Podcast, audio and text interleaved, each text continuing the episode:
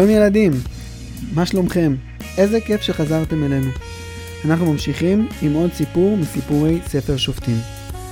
בפעם הקודמת אתם בטח זוכרים שסיפרנו על גדעון, גדעון שנאלץ לקחת, למצוא, לאסוף מהשאריות של השאריות של החיטים שנשארו בשדה, בגלל שהמדיינים גנבו את הכל. ושהוא חבט אותם, לא בגורן, אלא בגת, ושם הוא פגש את מלאך השם, שאמר לו, לך בכוחך זה והושעת את ישראל.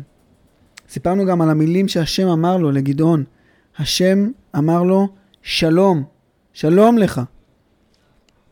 גדעון הלך לישון בלילה עם הרבה מאוד מחשבות.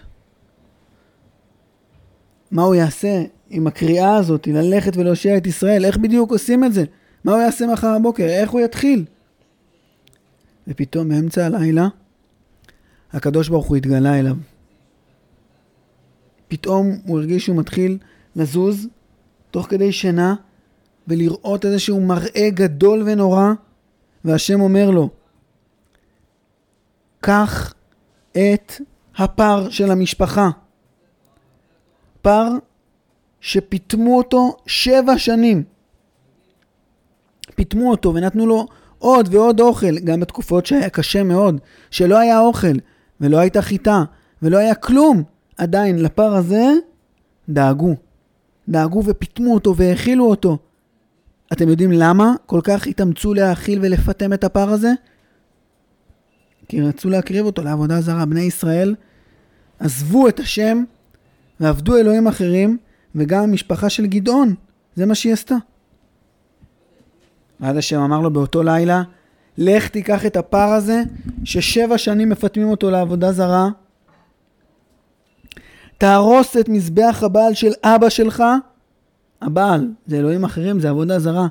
תבנה על ראש המעוז, בראש הגבעה, תבנה מזבח להשם, ותקריב את הפר הזה, במקום לעבודה זרה, תקריב אותו להשם. מה? אבל איך אני אעשה את זה? לא ייתנו לי לעשות את זה, יכעסו עליי. הם, הם, הם אפילו אולי עלולים להרביץ לי ולהעיף אותי. אני, אני לא יודע מה אני אעשה, איך אני אעשה את זה? השם, השם. תשובה לשאלות שלו, הוא כבר לא קיבל. הוא קם בבוקר, והוא הרגיש מועקה שמתחילה מהבטן וזוחלת לידיים ולרגליים. הוא ידע שיש לו תפקיד. הוא רצה לעשות את התפקיד, את התפקיד שלו. הוא רוצה לעשות את זה כמו שצריך.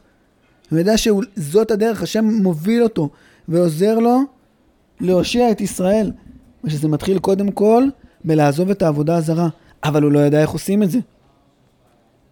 הייתה לו משפחה שהיו לה שדות, שדות שהיו במצב לא טוב, אבל היו לה שדות, והיו להם גם עבדים. וגדעון הכיר טוב את כל העבדים ואהב לדבר איתם. אז הוא הלך אליהם ואסף אותם. אתה מוכן אה, לבוא היום ב-12 בצהריים? יש לי איזה משימה, אתה מוכן לבוא איתי? כן, בטח, בשמחה. וככה הוא הלך לעוד עבד ועוד עבד ועוד עבד. כל העבדים הגיעו ב-12 בצהריים. טוב, גדעון, מה עושים? אה, שכי... כי בעצם, אוף, אה, אני רגע... גדעון, קראת לנו לכאן, נכון? כן. אז תגיד לנו מה עושים. שכי... אה, תוך כדי שהוא דיבר ואמר בעיקר אה, הוא גרד בראש ובלחי ומצמץ הרבה, כי אה, הוא לא העז להגיד להם. אתם יודעים מה יש לי רעיון אולי קצת יותר טוב? זה מס... יש, יש עכשיו חם נורא בחוץ, ויש עומס חום, אתם רואים? ושאולי עדיף שתבואו ב-12 בלילה, אתם מוכנים? 12 בלילה? מה אתה בדיוק רוצה שנעשה ב-12 בלילה? מה, אתה רוצה לגנוב משהו? לא, לא, לא, לא, לא, לא, מה פתאום? אתה רוצה לפגוע במשהו? אני לפגוע? אני לגנוב? מה פתאום? לא, לא, לא, לא. אבל ב-12 בלילה פשוט אז אולי, אולי כדאי. ובאמת ב-12 בלילה, עשרה עבדים מהעבדים של המשפחה הגיעו. טוב, גדעון, שקט! אל תדברו בקול. גדעון, מה עושים? אני מבקש כולם קודם כל לשמור על שקט ודממה. Uh, אתה אה, אתה רואה את הפר שנמצא שם במכלאה, לך בבקשה תביא אותו, ואתה קח את הפטיש הזה ובעדינות אם אפשר, אה, תן מכות כאלה למזבח. לא, לא, מכות יותר חד... ככה גדעון הוביל את העבדים בסתר, הוא השתדל שזה יהיה בכמה שיותר שקט, כמובן שאי אפשר. עשרת העבדים האלה עזרו לו לשבור את המזבח, לנתץ את כל האבנים, לבנות מזבח חדש להשם ביחד. להביא את הפר הזה, שפיטמו אותו לעבודה זרה, ולהקריב אותו על המזבח. טוב, סיימנו. תודה רבה לכם. לכו מהר כל אחד לישון, שלא... כל אחד הלך לחדר שלו, לבית שלו, וכולם הלכו לישון. בבוקר, כל אנשי העיר של גדעון קמו בבוקר, ופתאום מסתובבת שמועה. אתם מכירים את זה? שפתאום, לא ראית את זה בעצמך, קרה משהו בעיר שלך, ופתאום איכשהו כולם יודעים על זה תוך שנייה. שמעתם מה קרה? גדעון, הבן של יואש, שבר את המזבח של הבעל. והוא שחט את הפר שפיטמו אותו שבע שנים לעבודה זרה. וואי, וואי, וואי, וואי, מה שאנחנו נעשה לו? טוב, כדאי מהר לשלוח לשם את הרשויות, את האנשים של ראש העיר, שילכו מהר, הראשים של עופרה, אה, ויתפסו אותו ונראה מה נעשה לו. מהר מאוד התאספו הרבה אנשים מחוץ לבית של גדעון, ודופקים בדלת, דופקים בדלת. יואש! יואש! תוציא לנו את גדעון! יואש לא ענה. הוא הלך לחדר של גדעון, גדעון ישן. גדעון? מה אתה עושה ישן בשעה הזאתי? למה כולם דופקים פה? גדעון פתח את העיניים. מה? אה? אני? מה אני? מה? לא. גדעון, מה עשית? כולם יודעים מה עשית, תגיד בבקשה את האמת. אבא, השם התגלה אליי. המלאך השם התגלה אליי. והם רוצים שאני אושיע את ישראל. והשלב הראשון בדרך לישועה זה לעזוב כבר את העבודה הזרה. איך אנחנו יכולים להתפלל להשם? איך אנחנו יכולים לצעוק אליו שיושיע אותנו מהצרות שלנו אם אנחנו בעצמנו עובדים עבודה זרה? עובדים אלוהים אחרים. מה, אנחנו חיים בשקר? אני שברתי את המזבח של הבעל, ואני לקחתי את הפר ושחטתי אותו. וואו.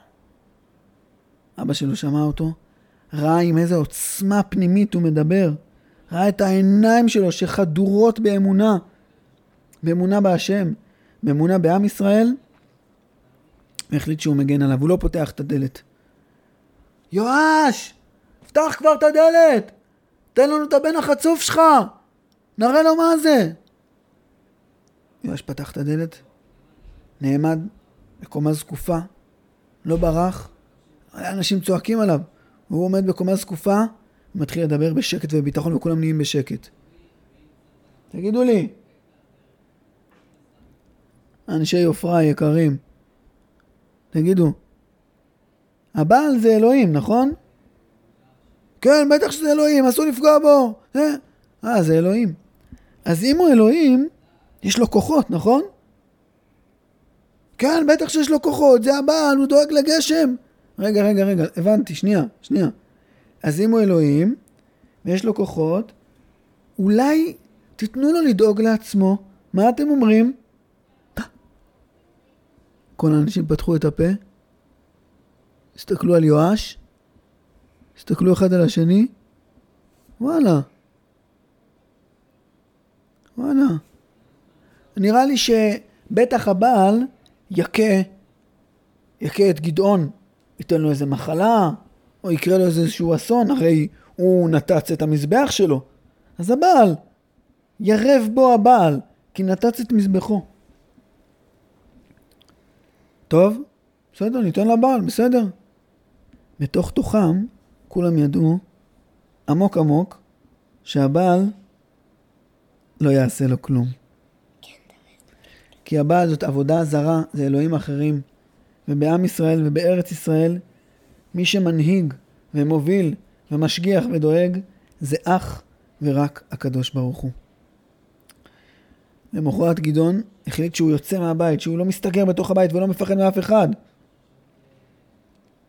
ראה אותו חבר שלו, ואמר לו, גדעון, שמעתי שירב בך הבעל, נכון? הבעל ירב בך, ככה כולם אמרו. אה, אתה בא איתנו ירובל, אתה בא לשבת איתנו היום? ירובל, ירב בך הבעל. ומאז, מאותו יום, כל אנשי עופרה קראו לגדעון ירובעל. למה הם קראו לו ירובעל? בגלל שאמרו עליו שירב בו הבעל, אבל כמובן שהבעל באמת לא עשה לו כלום.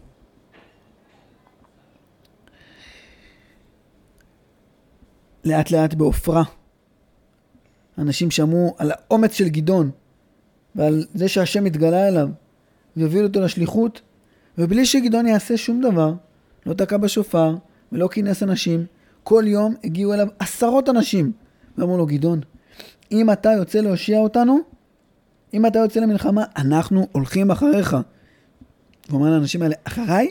אתם חושבים שאני מספיק אה, רציני להוביל? בטח, רק אחריך אנחנו הולכים.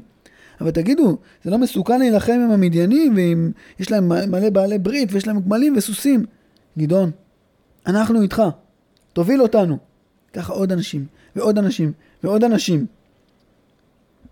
ובינתיים, מי ששמע על זה, זה לא רק בעופרה, ולא רק בשבט מנשה, ולא רק בשבטים השכנים של מנשה, אלא גם במדיין.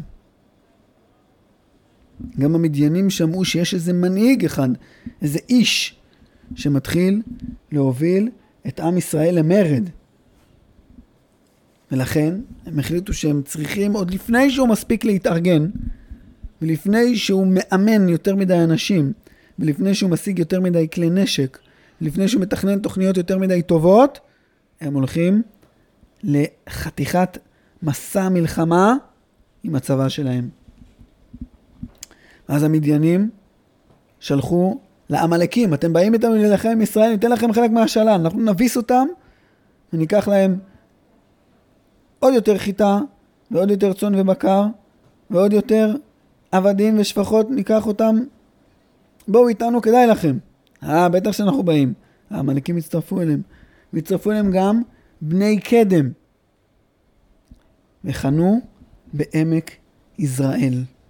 צבא גדול, ענק, מאות אלפי חיילים, מאות אלפי חיילים, עם כלי הנשק המצוחצחים והמתקדמים, אחרי שהם עשו ביחד כמה וכמה אימונים, עם בהמות ועם גמלים. גדעון שמע על זה והבין שהגיע הרגע, שהוא חייב מאוד מאוד בזריזות לפעול. ולקח שליחים ואמר להם רוצו, רוצו מכל שבט מנשה, וגם באשר, וגם בזבולון, וגם בנפתלי, קדימה, שכולם ירוצו, וקדימה, אנחנו צריכים. השליחים של גדעון רצו מבית לבית, מעיר לעיר, מכפר לכפר, ואספו עוד ועוד ועוד ועוד חיילים. ובינתיים גדעון, באותו יום, אחרי הצהריים, היה עדיין חם. אבל קצת פחות, יש קצת אוויר של ערב. גדעון מסתכל מסביב, מסתכל על השמיים, מרגיש שהשליחות הולכת ומתקדמת ושאין לו כבר דרך חזרה. ואז הוא פונה בתפילה לקדוש ברוך הוא, אומר, ריבונו של עולם, בבקשה ממך, תראה לי, תן לי סימן שזה הולך להצליח, תן לי סימן שאני לא הולך למות בקרב הזה. תן לי סימן שאני לא הולך להוביל, להוביל אלפי חיילים להפסד במלחמה קשה. לא רוצה לקחת את האחריות על זה. תן לי סימן. אני הולך לקחת סמרטוט צמר, גיזת צמר. אני הולך לישון. אני שם את הגיזה הזאת בגורן.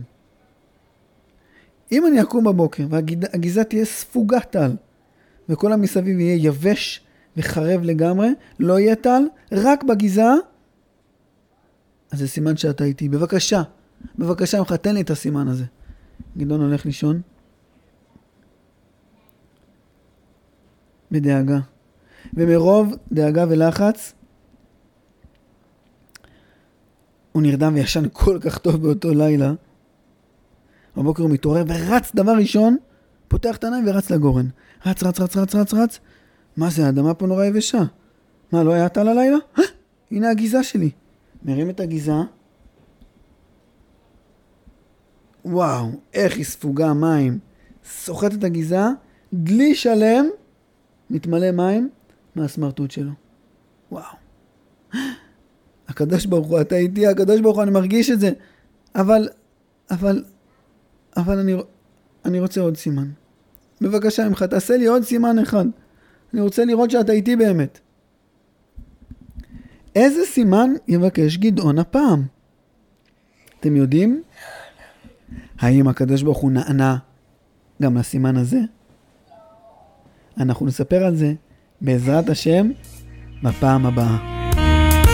תודה רבה שהאזנתם לנו, ולהתראות בעזרת השם בפרק הבא של סיפורי ספר שופטים.